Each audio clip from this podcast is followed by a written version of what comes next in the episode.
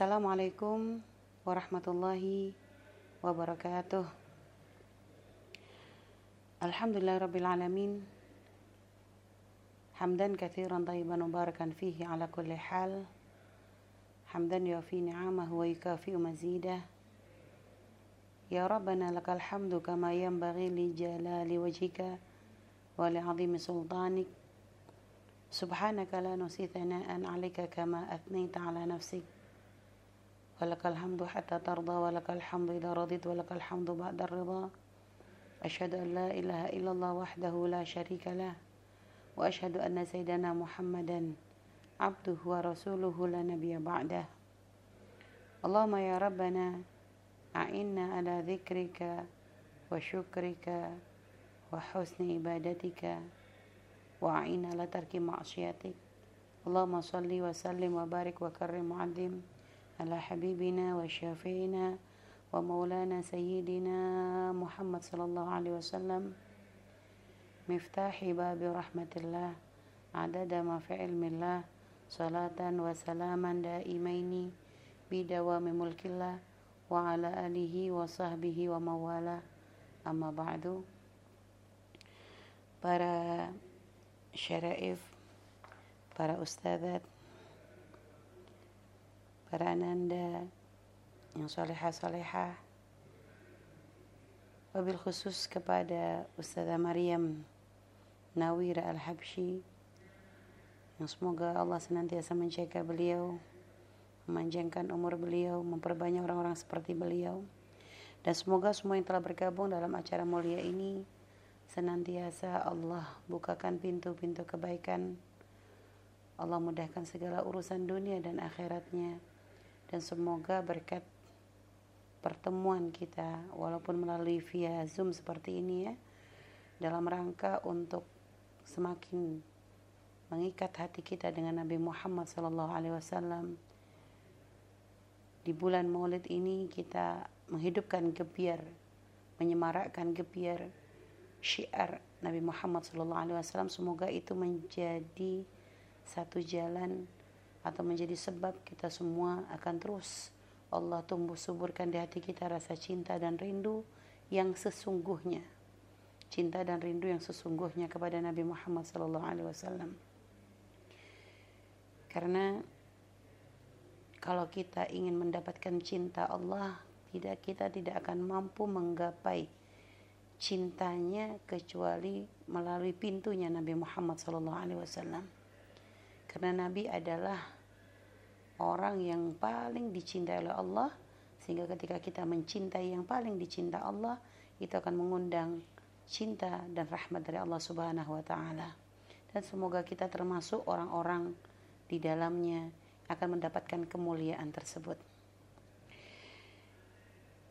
Para akhwat yang dimuliakan Allah Subhanahu wa taala, hari ini kita akan mencoba memahami makna rahmatan lil alamin. Kita membaca ayat wa ma arsalnaka illa rahmatan lil alamin dan tidaklah aku utus engkau Allah berfirman kepada Nabi Muhammad sallallahu alaihi wasallam kecuali sebagai rahmat lil alamin. Sanjungan untuk nabi kita itu bukan hanya di ayat tersebut.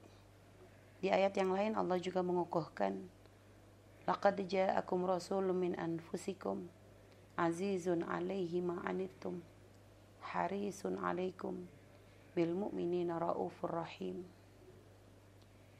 Di dalam surat At-Taubah, di akhir surat At-Taubah Allah kukuhkan bagaimana baiknya, bagaimana perhatiannya Nabi kita Nabi Muhammad sallallahu alaihi wasallam dan memang nikmat yang Allah berikan kepada kita umat Nabi Muhammad itu teramat sangat luar biasa. Allah berikan kepada kita itu nikmat Allah berikan kepada kita tuh hadiah yang sangat besar yaitu Nabi Muhammad Sallallahu Alaihi Wasallam yang beliau ini benar-benar Allah berikan kemudahan kepada kita itu untuk bisa mencintai beliau itu secara baik secara fisiknya ataupun secara perilakunya. Laqad ja'akum rasulun min anfusikum. Telah datang kepada kalian ya, seorang utusan dari golonganmu sendiri. Allah nggak pilihkan untuk kita nabi yang dari golongan malaikat atau golongan yang lain enggak. Sama-sama manusia. Kenapa? Karena manusia itu punya kecenderungan suka sama yang sama satu apa ya kalau kita tuh punya gini aja deh anggap kalau kita pergi ke tempat yang jauh lagi umroh aja. Lagi umroh ya taunya kita duduk sebelahan di masjid sama orang yang waktu kita kenalan ternyata dia dari Indonesia misalnya dari Indonesia biasa kita kan nanya Oke banyak yang dari Indonesia. Tapi biasanya ketika ada kesamaan lain selain Indonesia, misalnya Indonesianya di mana? Anggap Umi orang uh, Umi tinggal di Cirebon nih. Dia bilang saya dari Cirebon loh. Itu langsung kita tuh kayak ada klik lebih ya.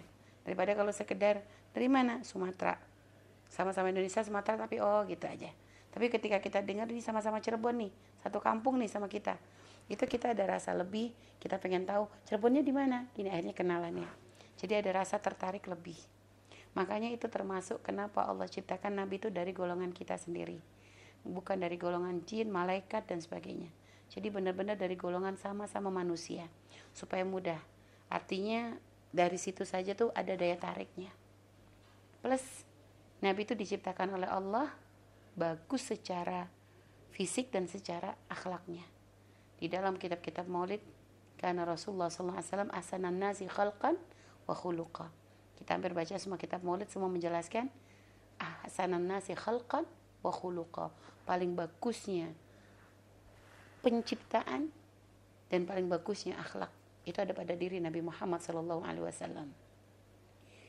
Kalau ada fisik Nabi, udah deh limited edition. Nggak bakalan ketemu lagi yang modelnya kayak beliau. Sudah habis stoknya. Dan gak ada yang bisa menandingi kebagusannya. Kalau kita ngeliat orang paling ganteng saat ini pun gak akan ada apa-apanya dengan Nabi Muhammad SAW. Secara fisik saja Allah berikan beliau tuh daya tarik.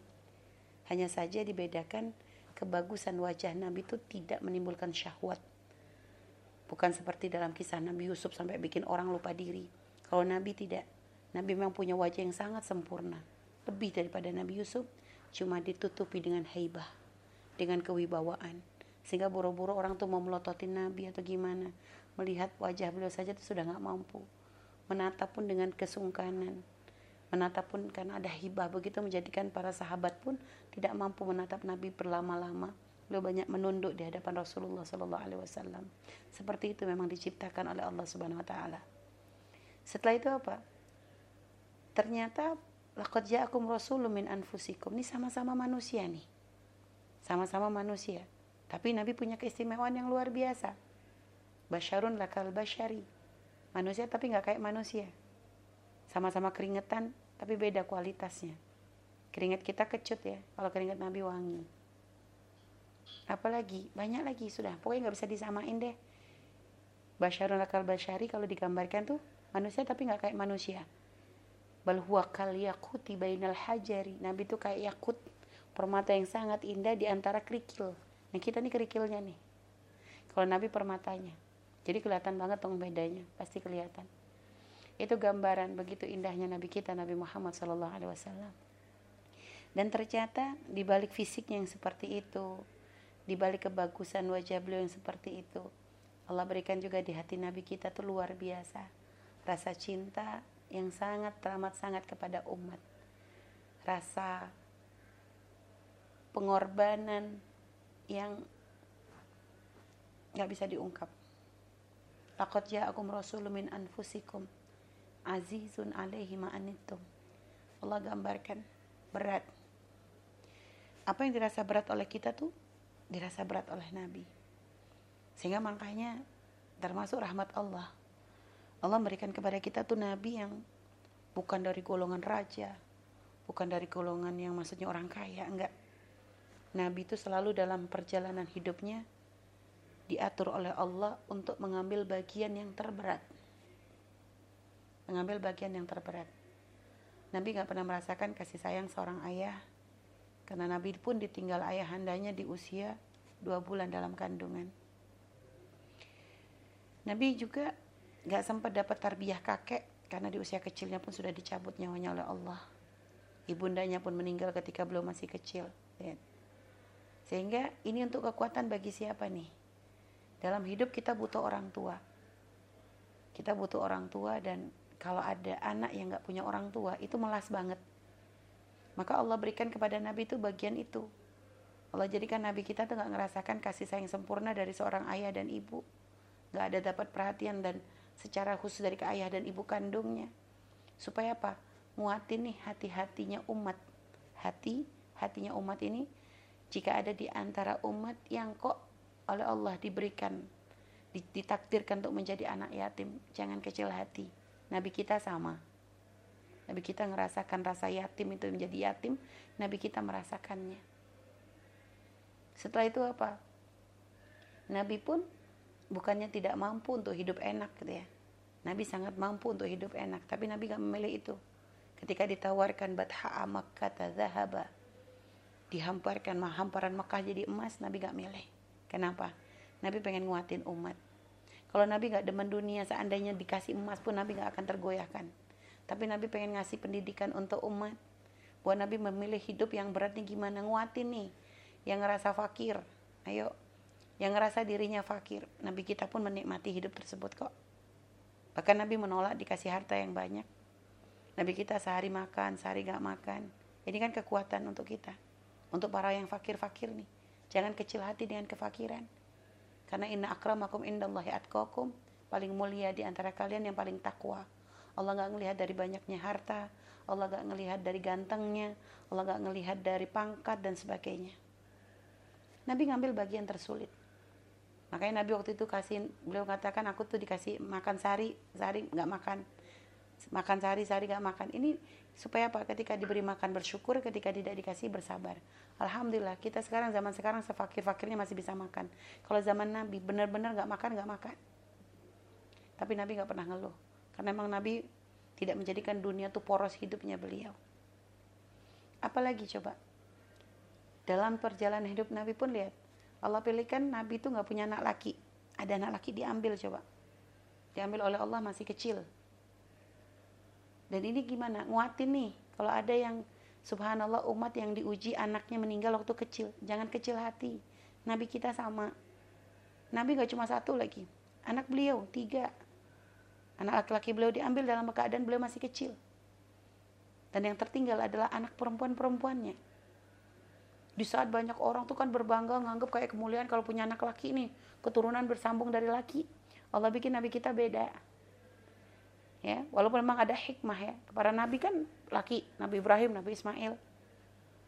Ya jadi tapi kalau nabi kita enggak kenapa? Nabi itu pengen nunjukin bahwa kemuliaan seorang anak itu gak mesti harus laki itu loh maksudnya gitu. Itu pendidikan. Jadi kalau ada orang nggak dapat anak laki jangan kecil hati. Nabi kita anaknya perempuan semua tapi tidak mengurangi keagungan beliau. Bahkan putri beliau menjadi putri yang sangat-sangat istimewa. Pemimpinnya ahli surga wanita ahli surga lihat. Tidak ada yang kurang Nah ini yang pengen ditanamkan oleh Nabi. Azizun alaihi ma'anitum. Jadi apa-apa yang dirasa berat oleh umat tuh Nabi tuh ngerasain. Sehingga Nabi tuh pengen nunjukin, ini loh aku tuh ngerasain sama seperti yang kamu rasakan. Ayo kuat gitu loh. Kalau bisa diungkapkan tuh kayak gitu. Sehingga kita jangan pernah berkecil hati, apa pun coba sambungkan hidup kita tuh dengan Nabi Muhammad, maka di situ kita akan menemukan banyak ketenangan. Setelah itu apa? Hari sunalaikum, jaga banget nih ke kita paling mikirin. Dan Nabi mikirin umat tuh gak, dalam kehidupan hidup saja. Dalam keadaan wafatnya pun Nabi gak mau lepas tangan kok. Kalau orang lain mah kalau udah dapat tugas nih anggap ada tugas acara. Selesai selesai udah pembubaran panitia bebas. Kalau Nabi gak ada istilah bubar. Ketika dalam hidup beliau masya Allah beliau menghabiskan waktunya untuk mikirin kita. Capek untuk kita lapar untuk kita sakit untuk kita. Semuanya Nabi perjuangkan untuk kita. Banyak banget yang diberikan oleh beliau yang kita nggak akan mampu menyebut kebaikan beliau satu persatu nggak akan nggak akan bisa. Tapi subhanallah dalam keadaan wafat pun maka Nabi katakan hayati khairun lakum wa mamati khairun lakum. Dalam keadaan hidup itu bagus untuk kita karena dengan hidupnya Nabi ya kata sahabat ya dalam kehidupan dalam hidupnya Nabi mereka bisa ngomong dengan Nabi mereka bisa dengerin Nabi. Wah itu nikmat banget tuh. Tapi ternyata Nabi untuk yang nggak ngerasakan duduk bersama Nabi kayak kita kita nih yang nggak bisa dengerin omongan beliau yang kita tuh nggak bisa ngadu langsung kepada beliau. Ternyata gimana sih perhatian Nabi ke kita? Mamati khairun lakum kata Nabi. Rupanya apa setiap hari dalam riwayat dalam hari Kamis. Dan riwayat lagi Senin Kamis. Ala kulli hal. Yang jelas amal-amal kita itu akan dilaporkan kepada Nabi. Allah kasih kesempatan Allah berikan hal tersebut kepada Nabi untuk dapat laporan amalan umat-umatnya. Sehingga apa sih? Apa sih gunanya dengan dilaporkan kepada Nabi? Ketika Nabi melihat kita tuh umatnya tuh baik, benar, Nabi bangga. Tapi ketika kita melakukan hal-hal yang nggak baik, Nabi susah. Dan Nabi mendoakan kita, lihat. Nabi mendoakan karena Nabi itu pengen kita semuanya tuh selamat. Sehingga makanya kayak begini aja nih seharusnya udah jadi motivasi nih untuk kita nih. Ya Allah kalau kita setiap kita bermaksiat kita bikin nangis Nabi. Kalau kita lupa menjaga kehormatan kita sebagai wanita, kita bikin susah Nabi. Kita nih berbuat untuk Nabi kebaikan membalas kebaikan beliau aja nggak mampu. Paling jangan bikin susah deh gitu loh. Karena semua syariat Nabi ini semuanya adalah untuk kemaslahatan kita. Aturan-aturan yang Nabi buat untuk kita sebagai wanita, ini adalah untuk menjaga kemuliaan kita. Pahami mana ini. Jadi gitu. Jadi kalau kita nggak benar, apalagi zaman-zaman fitnah seperti sekarang, di, di saat banyak wanita tuh melanggar hadis Nabi tentang rasa malu. Nabi udah wanti-wanti, ilam tastahi fasna ma syi'ta. Ilam tastahi fasna ma syi'ta kalau kamu nggak punya malu, lakukan apa saja. Maksud Nabi bukan nyuruh, enggak. Kalau orang sudah tercabut rasa malunya, dia akan bisa berbuat apa saja dan itu banyak terjadi. Bahkan bukan hanya oleh wanita-wanita kafir. Nah, wanita muslimah bukan sekedar muslim berhijab, tapi ternyata sekarang rasa malu sudah dicabut. Apa nggak bikin susah Nabi itu?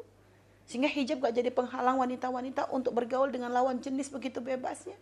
Hijab gak menjadi penghalang bagi para wanita-wanita ya. Untuk ibaratnya untuk mem, untuk mempermalukan diri mereka bergoyang di hadapan umum menunjukkan lekuk-lekuk tubuhnya goyang pinggulnya yang masya Allah. Gimana nggak sedih ya Nabi kita? Sayyidah Fatimah saja sudah mencontohkan bagaimana beliau itu menjaga kehormatan beliau mikirin untuk urusan menjaga diri beliau itu bukan hanya dalam keadaan hidup wafat pun dipikirin nggak mau lekuk-lekuk tubuhnya nampak sehingga Sayyidah Fatimah tuh ditutupi dengan keranda dan itu luar biasa tuh sebenarnya kan nasihat untuk wanita. Dalam keadaan wafat aja masih punya rasa malu. Gimana kita yang dalam keadaan hidup tapi hati kita mati? Nauzubillah. Maka dari sini ayo kita belajar memahami azizun alaikum, harisun alaikum. Nabi itu ngejaga banget. Maka lihat perjuangan beliau, lihat perhatian beliau. Untuk menjadikan kita ini semakin lebih hati-hati dalam langkah wabil mu'minina raufur rahim ya. Wabil mu'minin raufur rahim. Dan nabi itu untuk orang mukmin itu benar-benar penuh kasih sayang. Masya Allah rauf. Rauf itu salah satu sifat Allah. Tapi ternyata Allah berikan kepada Nabi Muhammad Shallallahu Alaihi Wasallam. Ya. Rauf belas kasihan. Berbelas kasihan banget artinya benar-benar Nabi itu sudah yang dipikirkan umat umat umat umat. Ya. Bil mukminin raufur rahim rahim. Penuh kasih sayang masya Allah. Nah itulah nabi kita Nabi Muhammad Shallallahu Alaihi Wasallam. Lalu sebenarnya dari ayat ini sudah mem, mem, menerjemahkan mak makna wa ma arsalnaka illa rahmatan lil alamin. Ayat ini sudah menerjemahkan makna dari rahmatan lil alamin itu seperti apa? Memang ada banyak perbedaan ulama ada yang mengatakan rahmat ini apakah adalah hanya khusus untuk orang mukmin saja ataukah juga diberikan kepada orang uh, kepada orang kafir. Tapi banyak ulama mengatakan rahmat ini adalah menyeluruh bukan hanya orang mukmin bahkan orang kafir pun mendapatkan ada kebaikan dengan rahmatnya ada ada hal baik yang mereka dapatkan dengan diutusnya Nabi Muhammad bukan hanya untuk yang untuk kita yang berakal bahkan binatang pun merasakan rahmatnya Rasulullah Bukan hanya binatang, bahkan pelepah korma yang mati, benda mati pun merasakan rahmatnya Nabi kita. Jadi rahmat itu penyeluruh maknanya. Rahmat, kedatangan beliau adalah rahmat. Lahirnya beliau adalah rahmat. Zatnya beliau sendiri itu adalah rahmat. Karena Allah berikan kepada kita itu Nabi yang zatnya itu Masya Allah. Emang nyenengin. Nggak ada orang lihat kecuali jatuh cinta. Ya, hanya kadang kesombongan menjadikan sebab tertutupnya hidayah bagi orang-orang kafir Quraisy saat itu dan musuh-musuh Allah saat itu. Sebenarnya mereka mencintai Nabi, nggak ada yang nggak cinta. Bahkan Nabi sudah diikrarkan sebagai laki-laki yang paling terpercaya sebelum diangkat menjadi Nabi. Tapi setelah menjadi Nabi, baru namanya manusia. Ada kesombongan, ada ketakutan, masalah jah dan sebagainya. Tapi Nabi memang punya daya tarik. Bahkan Hasan bin Sabit seorang penyair yang saat itu diperintahkan dibayar nih oleh orang kafir untuk mencaci maki Nabi Muhammad Shallallahu Alaihi Wasallam, tapi begitu melihat wajahnya Nabi nggak bisa berkata-kata. Beliau nggak bisa untuk mengeluarkan cacian. Yang ada akhirnya keluarlah pujian syair-syair sanjungan kepada Nabi Muhammad Wasallam menggambarkan Nabi dengan begitu indahnya. Beliau tuh sampai nggak mampu untuk melihat wajahnya Rasulullah karena seperti untayan-untayan permata, masya Allah. Ya. Jadi zatnya Nabi sendiri adalah rahmat. Setelah itu apa? Syariatnya Nabi rahmat. Kenapa? Karena tidak ada syariat sesempurna syariat Nabi Muhammad itu harga mati. Ayo pelajari semua syariat yang ada. Syariat agama-agama yang lain. Gak akan mampu mengalahkan syariatnya Nabi Muhammad. Gak akan bisa sempurna. Karena dibahas dalam syariat Nabi Muhammad itu sangat menyeluruh. Dari hal yang kecil sampai yang paling besar sekalipun. Dari urusan masalah ibadah, iya urusan kita dengan Allah dibahas. Sampai urusan kita dalam sesama manusia dibahas. Urusan kita dengan orang tua, muamalah kita dengan orang tua dibahas. Kalau nggak dia, dia dididik oleh Rasulullah, nggak bisa seorang anak itu bisa berbakti kepada orang tuanya. Bahkan lihat, ajaran Nabi ini bisa diamalkan oleh Uwais Al-Qarni Was Al-Qarni ini padahal belum pernah ketemu Nabi, tapi tahu ajarannya Nabi. Sehingga menjadi orang berbakti kepada ibundanya. Dan subhanallah, Nabi itu memang menyebutkan dalam hadis yang la yu'minu hadukum hatta akuna ahabba ilaihi min walidi wa walidihi wan nasi ajmain. Enggak iman kalau ada seorang di antara kalian uh, tidak mencintaiku melebihi cintanya kepada orang tua, kepada anak dan kepada semua manusia. Itu pun bukan berarti hadis ini menyuruh kita untuk meninggalkan orang tua kita, meninggalkan anak kita, meninggalkan manusia untuk Nabi. Enggak, Nabi enggak pernah ngajarin gitu. Hanya Nabi itu kayak ngasih batasan. Bahwa kalau tanda cintanya kita kepada Nabi tidak melebihi cinta kita kepada orang tua, cinta kepada anak. Artinya apa? Jangan sampai mencintai orang tua dengan cara yang salah. Jangan mencintai anak dengan cara yang salah.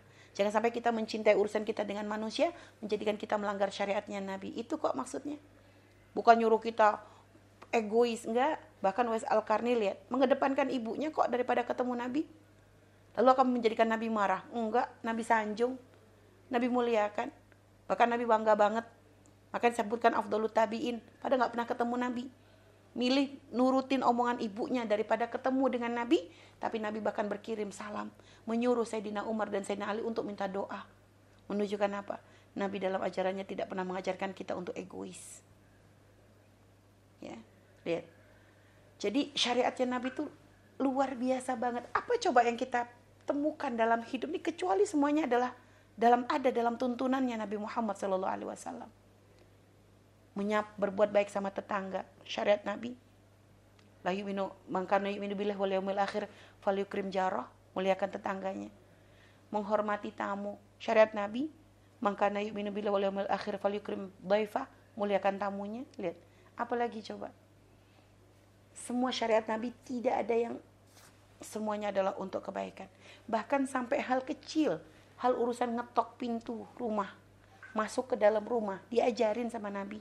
Kalau udah ngucapin salam tiga kali nggak ada nggak ada yang bukain, udah jangan jangan maksa, jangan malah muter rumah ngintip lewat jendela, nggak perlu. Udah berarti udah nggak berarti nggak dibukain berarti gimana nggak terima tamu. Diajarin sama Nabi. Sampai berdiri di depan pintu rumah, bayangkan Masa ada syariat sekomplit itu? Berdiri, Nabi pernah ngajarin. Ada sahabat berdiri depan pintu rumah Pak. Nabi tegur, kalau lagi bertamu jangan di depan pintunya, minggir dikit. Karena takut kalau kita pas di depan pintu rumahnya itu, nanti giliran nanti orang rumah buka, kelihatan yang di dalam. Urusan gitu dijaga sama Nabi. Sampai urusan masuk ke dalam kamar bagi anak dan pembantu nih, bagi budak dan pembantu. Ada aturan waktunya.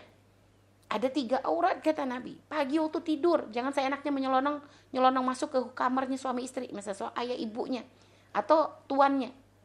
Karena itu waktu-waktu yang kadang mungkin orang belum siap untuk bertemu. Waktu tidur siang, waktu mau tidur malam, lihat. Dididik. Sampai urusan mem, memisahkan ranjang antara anak laki dengan perempuan, ada syariatnya coba. Coba apa coba kita nggak temuin tuh? Semuanya ada. Kenapa? Karena Nabi rahmat. Ajarannya rahmat.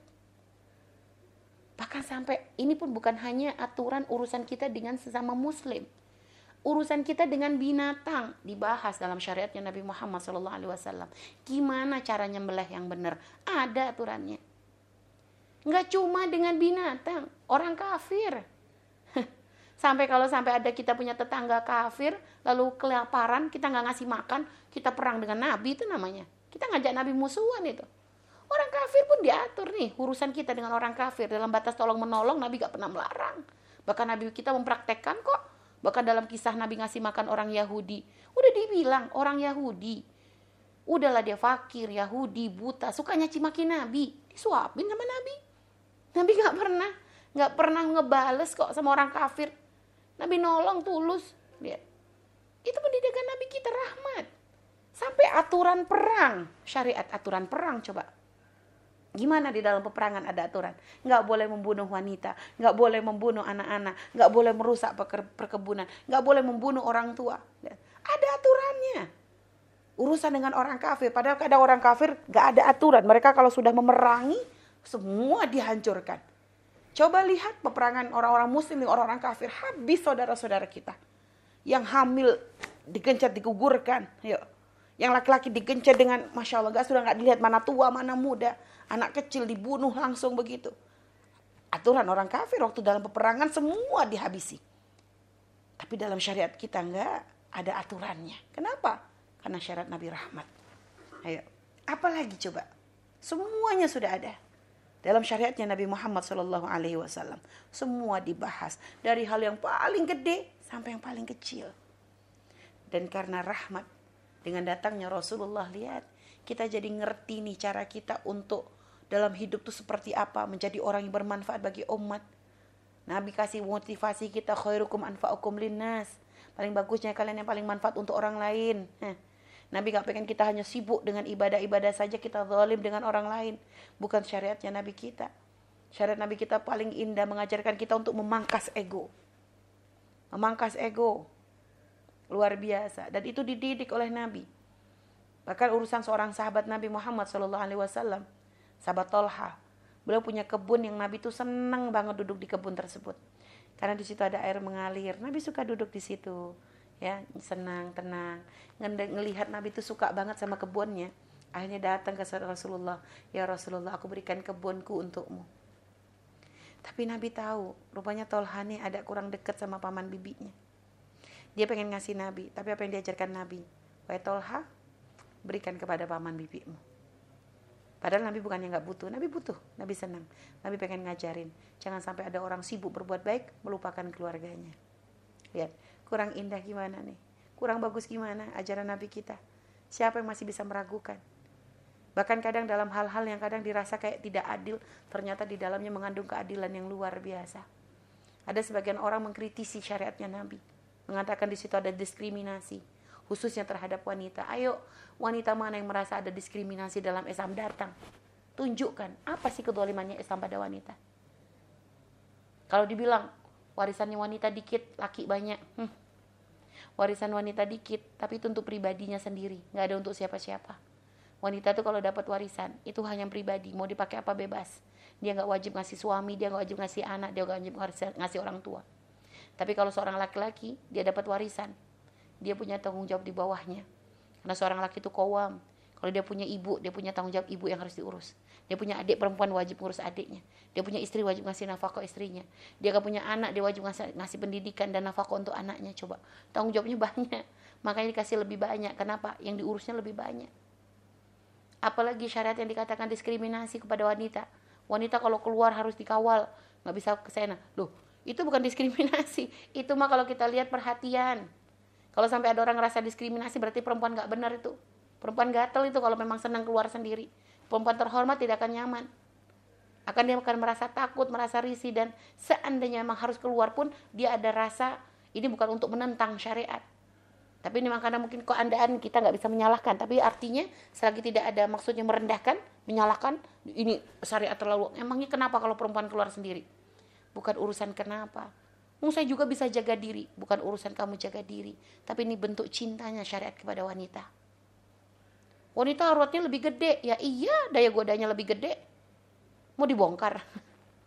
Mau disamain kayak laki-laki bayi nasurah warubah, apa nggak dipikir orang gila kita? Jadi subhanallah ya, nggak ada diskriminasi model gimana. Keluar wajib izin, ya iyalah. Namanya kita disayang kok. Semakin disayang, semakin diperhatiin itu kan aturannya tambah banyak. Luar biasa. Jadi nggak ada istilah diskriminasi. Makanya bahasa emansipasi itu jangan pernah dipakai deh. Kita kalau umat Nabi jangan pernah pakai bahasa emansipasi. Karena emansipasi itu apa? menyalahkan, pengen menyam, menyamakan posisi kita. Pada subhanallah, Islam mengangkat wanita setinggi-tingginya. Tidak ada syariat yang mengangkat wanita melebihi Islam. Tidak ada. Coba lihat semua peradaban. Yunani, Cina, apa semua merendahkan wanita serendah-rendahnya. Arab jahiliyah seperti apa kepada wanita? Dibunuh, dipendem. Tapi dalam syariatnya Nabi Muhammad wanita dimuliakan, ditempatkan di tempat di posisi yang sangat luar biasa. Sebagai ibu, Ketika ada seorang sahabat bertanya, siapa orang paling harus aku baguskan dalam bermuamalah? Ibumu, ibumu, ibumu. Seorang bapak, kalau punya anak perempuan disidik dengan benar, ahli surga. Lihat. Seorang suami, kalau sampai seorang suami nggak bisa mendidik istrinya, nggak nggak punya cemburu kepada kepada istrinya yang melakukan maksiat dayuth, nggak bisa mencium bau surga. Kurang gimana syariat jaga kita nih, ha? Dalam semua posisi kita tuh dijaga mau jadi ibu kek, mau jadi anak kek, mau jadi saudara kek, mau jadi seorang wanita juga jaga banget. Luar biasa. Itu syariatnya Nabi. Maka itu adalah rahmat. Bagaimana kita menjelaskan lagi rahmat itu? Rahmat yang sangat besar. Jadi syariat Nabi itu benar-benar luar biasa banget. Dan ternyata rahmatnya itu bukan hanya ketika ada Nabi ya. Artinya setelah kita nggak ada Nabi pun, Nabi sudah wafat pun tetap kita rasakan. Dan termasuk coba di bulan Maulid ini. Rahmat Nabi yang paling banget-banget kita rasakan itu apa? Karena Nabi kadang kita bisa bertemu dalam hal-hal baik seperti ini. Kita kumpul di majlis Nabi mulian siapa? Kalau untuk memuliakan manusia kayak modelan kita, nggak kira sebanyak itu yang datang. Tapi ketika kita membawa nama Nabi Muhammad nih, yang bergabung aja udah 99. Padahal nggak langsung. Karena yang dibawa Nabi Muhammad. Jadi kalau karena Nabi ini kita bisa berkumpul, bayangkan dari semua penjuru datang menghadiri majelis siapa? Maulid Nabi. Nabi yang kita bawa. Dan karena Nabi ini kita membawa nama Nabi, menyanjung Nabi, makanya banyak yang datang. Coba kita bikin majelis menghina Nabi, habis kita diperangi orang. Tapi karena kita menyanjung Nabi, orang datang dan subhanallah dalam majlis-majlis begitu luar biasa. Kita dari orang yang pertama kali nggak pernah ketemu, nggak kenal. Tapi kalau sudah kumpul di majlis rasanya masya Allah kita punya teman banyak, kita senang, kita rasanya kekeluargaan, ada keakraban, ada kenyamanan, masya Allah. Kita kangen. Kemarin kita ngerasain bagaimana rasanya kita selama dua selama lockdown kita nggak bisa hadir maulid keliling ke mana-mana. Rasanya masya Allah sedihnya, kangennya luar biasa. Ini bukan rahmat, gimana lagi coba? Ini rahmat nih. Jadi kalau sudah berkaitan dengan Nabi itu semuanya jadi indah. Sehingga makanya Masya Allah. Kita sering kali kalau lagi di majlis maulid ya Allah. Lola kayak Rasulullah. Kalau bukan karena engkau ya Rasulullah nggak bisa kami kumpul kayak gini nih. Lola kayak Rasulullah kalau bukan karena engkau kami nggak punya teman-teman yang model begini nih. Ya Masya Allah mencintai kami pada kami itu bukan keluarga, bukan kerabat. Tapi mereka Masya Allah mencintai kami itu dengan setulus hati kalau nggak kita karena membawa nama Nabi nggak bakalan seperti itu. Nah gimana ini bukan rahmat? Rahmat ini semuanya. Jadi kalau ngomongin Nabi dari A sampai Z semuanya rahmat. Semuanya rahmat. Maka perbanyaklah rasa syukur kita kepada Allah Subhanahu wa taala. Tanamkan di hati kita keyakinan. Ya. Keyakinan bahwa syariat terbaik adalah syariatnya Nabi Muhammad. Manusia terbaik adalah Nabi Muhammad. Semua yang berkaitan dengan Nabi menjadi indah. Dan subhanallah lihat, kalau kita melihat dalam perjalanan sejarah, bagaimana semua yang ketempelan Nabi itu menjadi istimewa. Kota Makkah, kota Gersang, gak ada istimewanya coba. Coba kalau kita pergi ke Makkah, sama Bogor, Taman Raya Bogor atau uh, apa yang yang yang banyak binatangnya. itu ajiban itu. Tapi begitu, tapi seberapa banyak jutaan orang berharap untuk bisa datang ke kota Mekah. Ya, melihat karena di situ ada banyak-banyak peninggalan, ada banyak-banyak kisah indah tentang Nabi Muhammad sallallahu alaihi wasallam. Bagi yang mengerti ini eh, Ka'bah itu bukan hanya sekedar ngelihat ini adalah tempat untuk kiblatnya umat Islam, bukan. Tapi bagi yang memahami ada rasa lebih di situ, ada rasa haru di situ. Kenapa? Karena kita bisa mendatangi tempat di mana Nabi pernah tawaf di situ. Nabi pernah sujud di situ. Nabi pernah senang duduk di situ. Dan Ka'bah menjadi saksi perjuangan dakwahnya Nabi kita Nabi Muhammad sallallahu alaihi wasallam. Jadi segala sesuatu kalau udah ketempelan Nabi, Makkah yang begitu dirindu oleh jutaan orang di dunia. Semua berharap untuk bisa ke sana. Kenapa? Berkah dari Nabi Muhammad SAW. Madinah. Seperti apa kota Madinah sebelum itu? Madinah tuh kota yang paling banyak penyakitnya. Kota penyakit. Gak ada orang demen. Karena gak ada orang masuk Madinah kecuali kena wabah. Allah pilihkan untuk Nabi kita tuh tempat-tempat yang begitu. Bukan Nabi itu ngandoli ke, ke masyhurannya tempat Allah nggak nempatkan Nabi di Roma yang waktu itu lagi dalam puncak peradaban. Allah nggak nggak nempatkan Nabi di Persia karena Nabi untuk menjadi apa kemuliaan Nabi itu tidak nempel di orang, tapi semua yang nempel ke Nabi jadi mulia itu loh. Kalau kita kan kadang kalau kepengen kita tuh agak uh, agak diangkat dikit kita nempel sama orang mulia, ya kita keangkat lah. Jadi asistennya Habib Umar misalnya ya. Subhanallah, ikut kerangkat kita. Jadi asistennya Hubabah Nur. Wah, kerangkat kita nih ya kita nempel situ tapi kalau Nabi nggak perlu Nabi nggak perlu ditempelin ke mana-mana. Nabi untuk menjadi seorang yang sangat dimuliakan nggak perlu ditempelin di Roma, nggak perlu ditempelin di Persia, nggak perlu didandani dengan kemewahan. Tapi segala sesuatu kalau sudah dikaitkan dengan Nabi menjadi luar biasa. Sehingga lihat kota Makkah menjadi kota yang gerindu. Kota Madinah menjadi kota yang paling penuh berkah dan yang paling di, diharap untuk bisa diziarahi. Kita tuh semua berharap untuk bisa menziarahi kota Madinah. Kenapa? Di situ ada jasadnya Nabi kita yang mulia. Luar biasa. Nggak ada orang yang nggak rindu Madinah. Kalau nggak rindu tuh nggak iman berarti. Nggak ada orang nggak rindu untuk ziarah Madinah. Karena di situ ada jejaknya Nabi Muhammad. Walaupun mungkin sekarang nggak nampak secara nyata, tapi paling tidak tergambar. Ini ini Nabi banyak duduk di sini. Sehingga orang kalau mengerti maknanya tuh lihat, dia setiap melangkah di setiap peta kota Madinah ini hadirkan makna ya Allah ini jangan-jangan tempat pernah diinjak oleh kaki sucinya Nabi Muhammad Sallallahu Alaihi Wasallam. Ini Nabi mungkin pernah duduk di sini Nabi pernah berdiri di sini. Semua punya kenangan. Dan semua orang berharap untuk ke sana. Semoga kita juga pun dimudahkan untuk terus bisa ziarah Nabi Muhammad Sallallahu Alaihi Wasallam. Ziarah Makkah ziarah Madinah. Allahumma sholli Muhammad baik. Jadi itu ya jadi keagungan Nabi ya itu luar biasa. Jadi Nabi nggak perlu ditempeli dengan apa pun semua tapi menjadi mulia jika bersambung dengan Rasulullah Shallallahu Alaihi Wasallam. Ya, Halimatus Sa'diyah, Sayyidah Halimatus Sa'diyah dari orang yang awalnya hidupnya seperti apa kedatangan Nabi berkah. Ya, jadi semua yang nempel dengan Nabi itu jadi istimewa. Karena memang Nabi membawa rahmat untuk siapa pun. Onta yang dinaiki Nabi pun menjadi onta yang paling beruntung segala sesuatu lihat. Sampai pelepah korma pun menjadi pelepah korma yang paling beruntung. Kenapa? Pernah disenderin oleh Rasulullah Shallallahu Alaihi Wasallam. Ya Allah luar biasa. Makanya para sahabat memuliakan Nabi itu bukan hanya sekedar syariat. Mereka memuliakan Nabi itu benar-benar zat dan syariatnya. Makanya kita membaca kisah seorang sahabat meminum darah bekamnya Nabi. Kenapa nggak ada sesuatu yang layak dibuang dari diri Nabi walaupun itu darah kotor sekalipun karena tidak pernah ada yang kotor dari diri Nabi Muhammad SAW.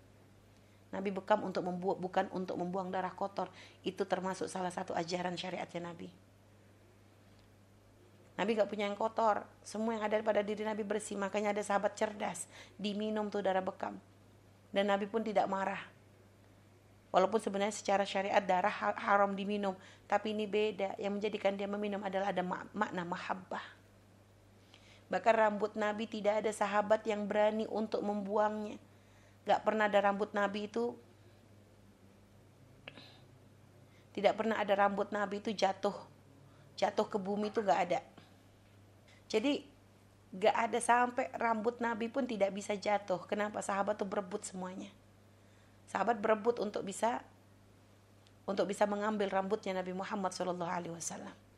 Bahkan sampai Khalid bin Walid, coba bayangkan, seorang Khalid bin Walid, seorang panglima perang yang luar biasa yang gak ada takutnya. Tapi beliau lihat ketika Subhanallah berperang malah sibuk cari topinya. Orang lain lagi perang, beliau sibuk aja cari topinya, topi perangnya. Sampai sahabat sampai ngomel, ada sahabat beliau ngomel, eh Khalid bin Walid kita lagi perang, kamu cari apa? Topiku jatuh, kata topi perangnya jatuh. Ya topi aja kenapa kamu pusingin? Kita lagi ngadepin musuh. Kata beliau apa? Ya enggak, itu bukan topi sembarangan. Karena di dalamnya aku selipkan, aku titipnya, aku titipkan rambutnya Nabi Muhammad Shallallahu Alaihi Wasallam. Subhanallah. Bahkan semua sahabat jadi benar-benar mengikuti Nabi itu bukan hanya untuk urusan syariat, tapi untuk masalah memuliakan zat pun itu dilakukan oleh beliau, bahkan sampai untuk ngikutin hal-hal yang tidak ada urusannya dengan syariat itu dilakukan oleh sahabat-sahabat Nabi Muhammad Sallallahu Alaihi Wasallam. Kenapa? Karena segala yang dilakukan Nabi itu semuanya indah. Makanya sahabat tuh pengen nyambungin di, kepada diri Nabi itu bukan urusan masalah ibadah saja. Bahkan bayangkan semua urusan makan.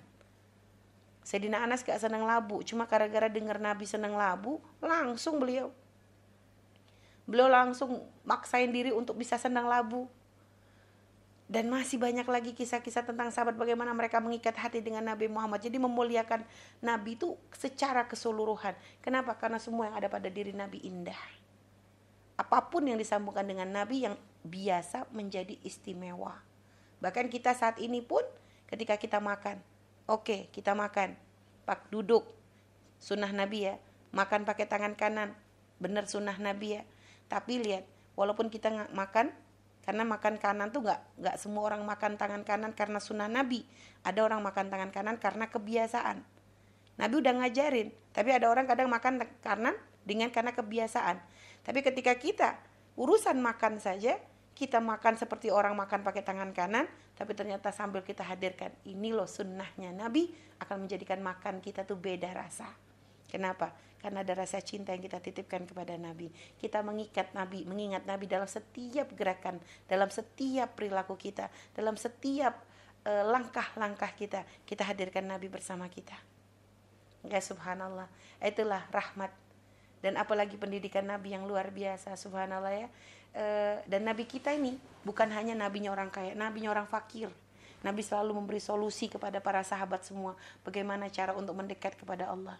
Orang fakir nangis ngadu ke Rasulullah, "Ya Rasulullah, zahab ahli dusur bil ujur." Orang-orang kaya borong pahala. Kami dapat apa nih? Kami gimana ya Rasulullah?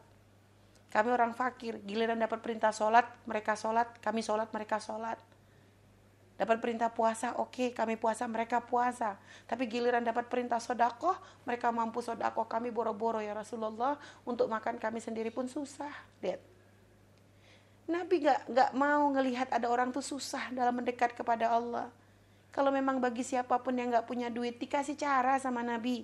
Dikasih zikir. Zikir membaca subhanallah, membaca gini, ini sudah termasuk sodakoh, kata Nabi. Bahkan kayak minggirin hal-hal yang membahayakan di jalan. Itu kan gak pakai nggak pakai biaya. Itu pun ternyata sodakoh. Sampai masa Allah benar-benar dimudahkan Buat ternyata kadang yang namanya mencari kemuliaan di hadapan Allah dalam hal sodako itu bukan urusan ngasih ngeluarin duit aja. Ternyata banyak. Ngasih senyum nih. Senyum. Ngasih senyum itu termasuk sodako lihat. Nyenengin orang. Sampai oleh Nabi dikatakan al shimatul mu'min e, bisyratu fil wajhi. Cirinya orang mukmin itu selalu memasang wajah ceria di wajahnya. Ini makanya nih bagi para akhwat yang benar-benar pengen ngikutin syariat Nabi jangan masang wajah masem biasanya kita dengan senyum kita dengan wajah riang. Lagi banyak masalah cukup curhatnya sama Allah. Di depan orang tunjukkan wajah riang. Nggak perlu curhat di status untuk semua orang tahu. Nggak itu bukan ajarannya Nabi Muhammad. Ajaran Nabi Muhammad menyembunyikan kesedihan kita khusus kita dengan Allah. Kalau memang perlu ngasih tahu ke orang orang yang sekiranya bisa memberi solusi. Bukan semua orang dicurhatin. Ajaran Nabi indah. Jadi nggak ada orang galau kalau urusan dengan Rasulullah. Kalau orang kenal dengan syarat Nabi nggak ada orang bete galau, apalagi baper. ya, jadi semua akan menjadi indah. Kita akan menjadi kuat di saat kita terikat dengan syariatnya Nabi Muhammad. Nah, inilah yang harus kita pahami dari makna rahmatan lil alamin. dengan diutusnya Nabi kita Nabi Muhammad Sallallahu Alaihi Wasallam. Semoga maka kita perbanyak rasa syukur. Alhamdulillah ya Allah, Kau berikan kepada kami seorang utusan yang luar biasa, seorang Nabi yang menjadikan kami itu jadi kenal makna baik. Alhamdulillah terima kasih ya Allah. Segala puji bagimu yang telah memberikan memilih kami untuk menjadi umatnya Nabi Muhammad. Untuk bisa mengenal beliau, untuk belajar akhlak beliau, sehingga dari beliaulah kami itu ngerti cara untuk berbakti kepada orang tua. Cara untuk nyenengin orang tua. Cara untuk menjadikan orang tua tersenyum. Segala puji bagimu ya Allah yang telah menjadikan kami itu ngerti bagaimana cara untuk mendidik anak. Sehingga kami bisa punya anak yang baik-baik. Karena kami kenalkan dengan Nabi Muhammad Sallallahu Alaihi Wasallam. Segala puji ya Allah bagimu yang telah menjadikan kami itu kenal Nabi Muhammad. Sehingga karena itu kami bisa bermuamalah dengan sesama manusia. Kami jadi punya rahmat kepada orang fakir karena dididik oleh Nabi Muhammad. Kami bisa ber, bisa mudah untuk menolong orang karena itu adalah ajarannya Nabi Muhammad. Itu kita syukuri. Jadi semua kebaikan kita tuh jangan sok wah aku baik karena memang aku baik enggak. Kita baik karena kita bisa sambung dengan syariatnya Nabi Muhammad. Kalau kita baik tanpa kita sambungkan dengan Nabi Muhammad, maka kebaikan kita kebaikan palsu. Kebaikan hanya untuk mencari pujian. Bukan seperti itu ajaran Nabi. Maka bersyukurlah ketika kita masih bisa melakukan hal-hal baik sambil teringat kepada Nabi Muhammad. Maka itu harus kita hadirkan. Jadi itulah makna rahmat. Rahmat Nabi menjadi sebab kebaikan untuk kita semua. Dengan kasih sayang yang luar biasa. Yang Masya Allah akhirnya kita bisa banyak tahu hal-hal yang baik. Kita bisa memilah mana yang tidak baik. Subhanallah. Ini adalah berkat dari Nabi Muhammad SAW. Semoga Allah terus membimbing kita. Semoga Allah terus memudahkan jalan-jalan kita, langkah-langkah kita untuk terus berada di jalan yang diridhoi oleh Nabi Muhammad sallallahu alaihi wasallam. Wallahu a'lam bishawab.